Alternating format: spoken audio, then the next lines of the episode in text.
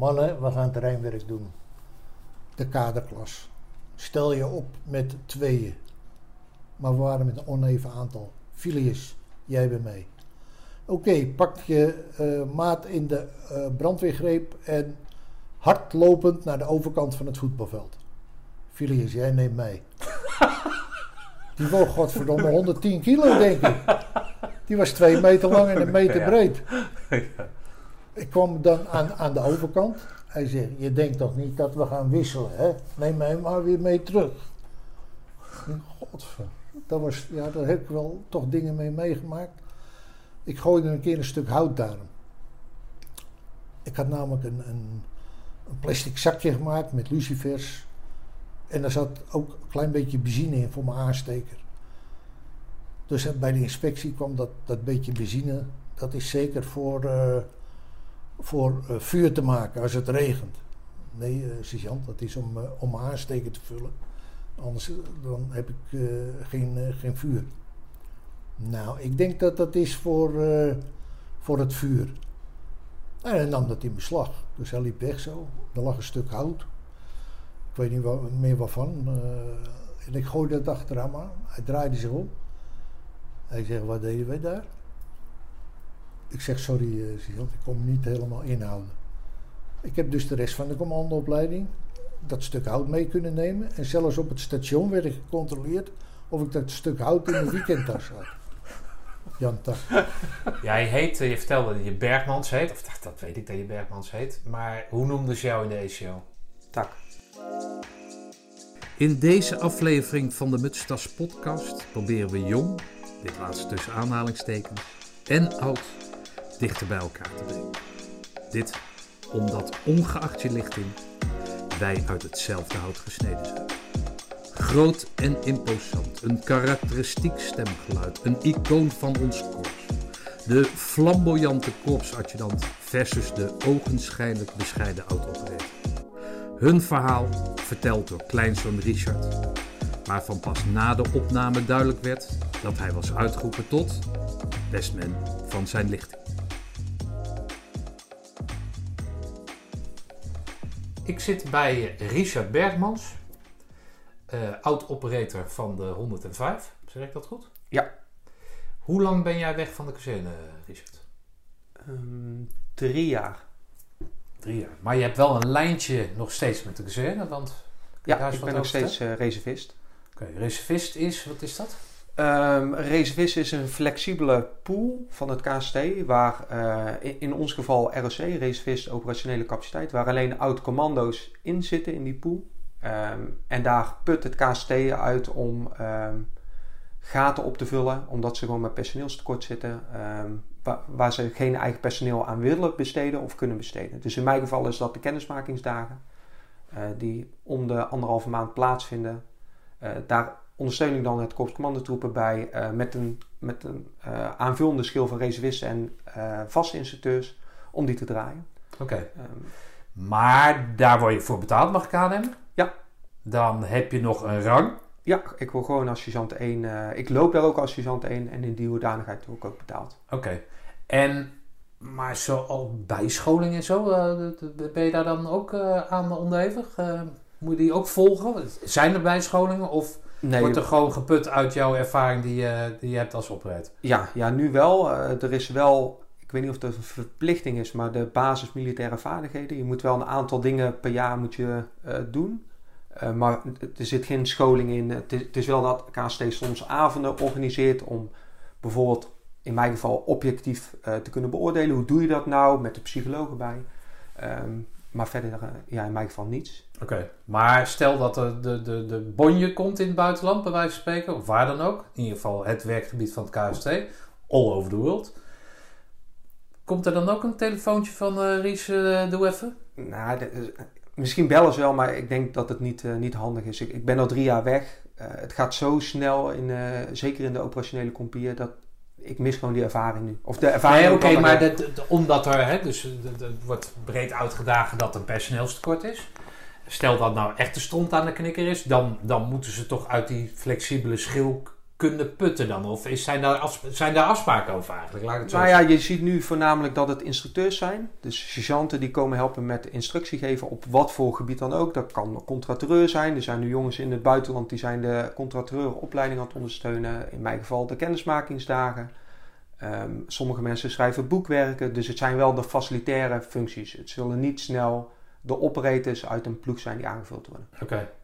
Dat heeft jouw stap richting burgermaatschappij denk ik wel een stuk makkelijker gemaakt. Hè? Dat je dat uh, hebt kunnen Ja, zeker. Ja. Ja, ik, het is net of dat je terugkomt in een, uh, in een oud nest. met allemaal oud-collega's, vrienden waarmee je dan een kennismakingsdag ja. mag draaien. Nou ben jij, of jouw familie, hè, de bloed, familiebloed, heeft altijd wel een beetje gestroomd bij het korps. Hè? Want ja. jij hebt een opa, een legendarische opa voor de luisteraars. Kan je daar eens wat over vertellen? Wie is jouw opa? Uh, ik denk dat de meesten hem kennen als adjudant Tak. Um, voor mij gewoon opa. Um, ja, die heeft daar best wel een lange tijd markant persoon, wat ik van heel veel mensen begrijp, uh, rondgelopen. Ik, ja, zelf ken ik hem niet als militair zijnde, daar was ik te jong voor. Maar ik denk dat heel veel mensen, eh, zeker de, de, oudere generatie, als je zijn naam roept, dat wel mensen kippenvel krijgen. Ja. Als jij, eh, jij vertelde dat uh, jouw opa, ik heb het niet meegemaakt, want ik viel dan ja, niet in die tijd. Hè, maar in ieder geval, dan hebben we het over de Sinterklaastijd. Dat hij de vaste Sinterklaas was. Ja. Op de kazerne. Ja. Had hij natuurlijk ook de gestalte voor. De snor had hij sowieso. De stem. Die stem, ja, die stem had hij, had hij uh, zeer zeker.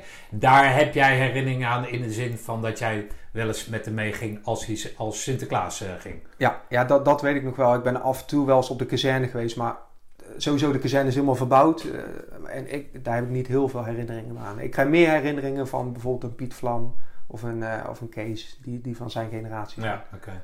Nou, postte ik eh, voor de SFC uh, postte ik een, een foto van, van je opa om, een, om het groene gevoel een beetje op te poken binnen, binnen de sociale media. En toen schreef jij van, goh leuk Stefan dat je die foto gepost hebt van mijn opa. Hè, dat, daar sprak uh, veel uit. Maar eigenlijk wat ik het mooiste avond, en daarom zit ik nou tegenover jou even te interviewen. Uh, dat je schreef uh, dat het alleen zo jammer was dat je opa niet heeft mee kunnen maken dat jij commando bent geworden.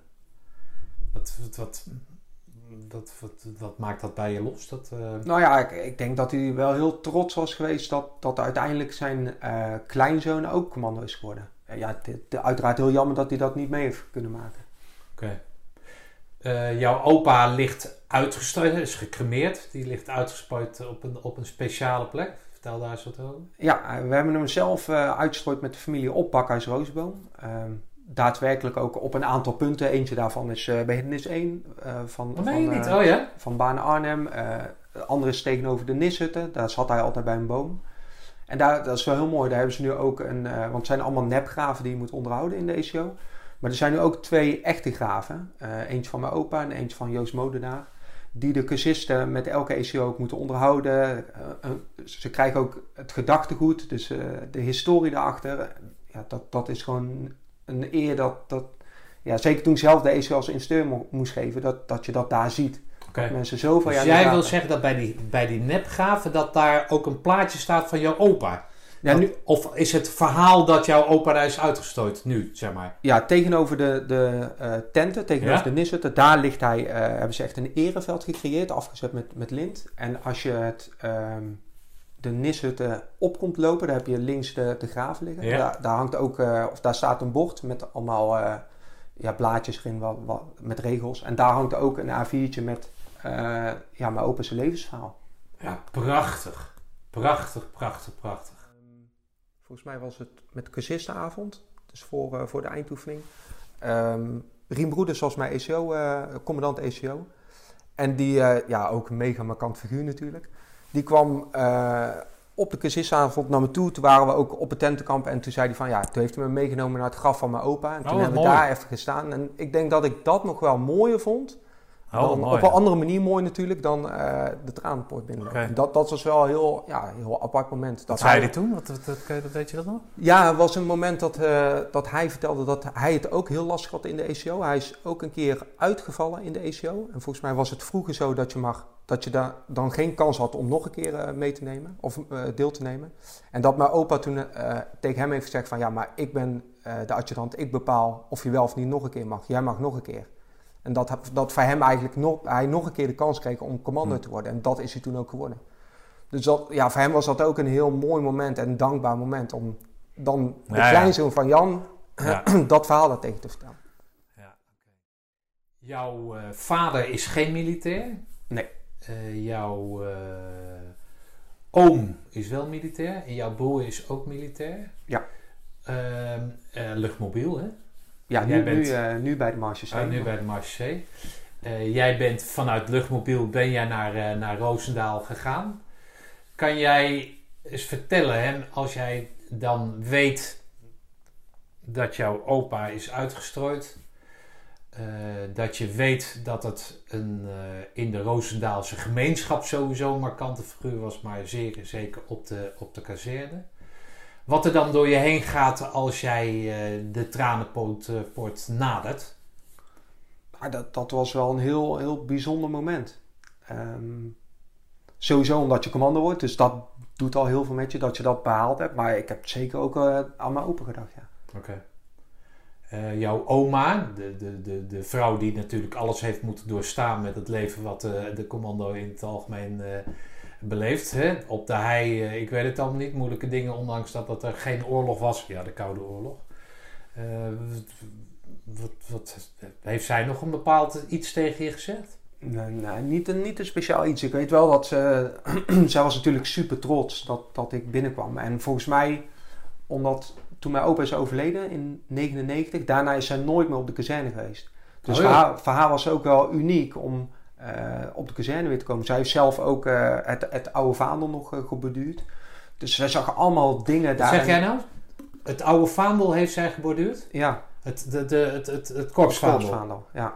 Dus met de namen van de, van de, van de, de hoe heet dat? Van de... Ja, wat met goud gestikt Heeft zij dat gestikt? Ja. Oh jeetje joh. Dus voor haar was het uh, super mooi om daar te komen. Nou, zij kende ook heel veel, toen ook al oud-commando's. Dus ja, voor haar was dat heel, heel speciaal. Voor mijn moeder ook. Die ging altijd mee naar, eh, naar kinderkamp vroeger. Hm. Eh, ik weet nog toen... Ik zat nog niet bij Defensie, maar zij konden al die commando die er uh, thuis al meezingen. Dat ik dacht van, wow, oké, dit, is wel heel, heel apart. maar zelfs mijn moeder heeft heel veel leuke herinneringen aan kinderkamp. Al aan, aan, dochters en zonen van commando's van toen. Ja, ja daar, daar zijn de, de verhalen verschillend over, heb ik wel eens vernomen. Ik heb jou, uh, uh, hoe heet dat, toen we hier naar boven gingen, naar je studeerkamer, hangt er een bord van je opa. Die, die heeft af, gekregen bij het afscheid van de Natres, waar die instructeur was toch? Ja. En ik zit hier tegen zijn groene beret aan te kijken. Als jouw kinderen zouden zeggen van voor jouw zoon, pap ik wil commando worden, wat zou je dan zeggen? Dan mag hij dat. Hij, uh, ik heb altijd gezegd, je mag uh, bij Defensie werken, maar als je ergens gaat werken, dan ga je commando worden. En anders ga je niet bij Defensie werken.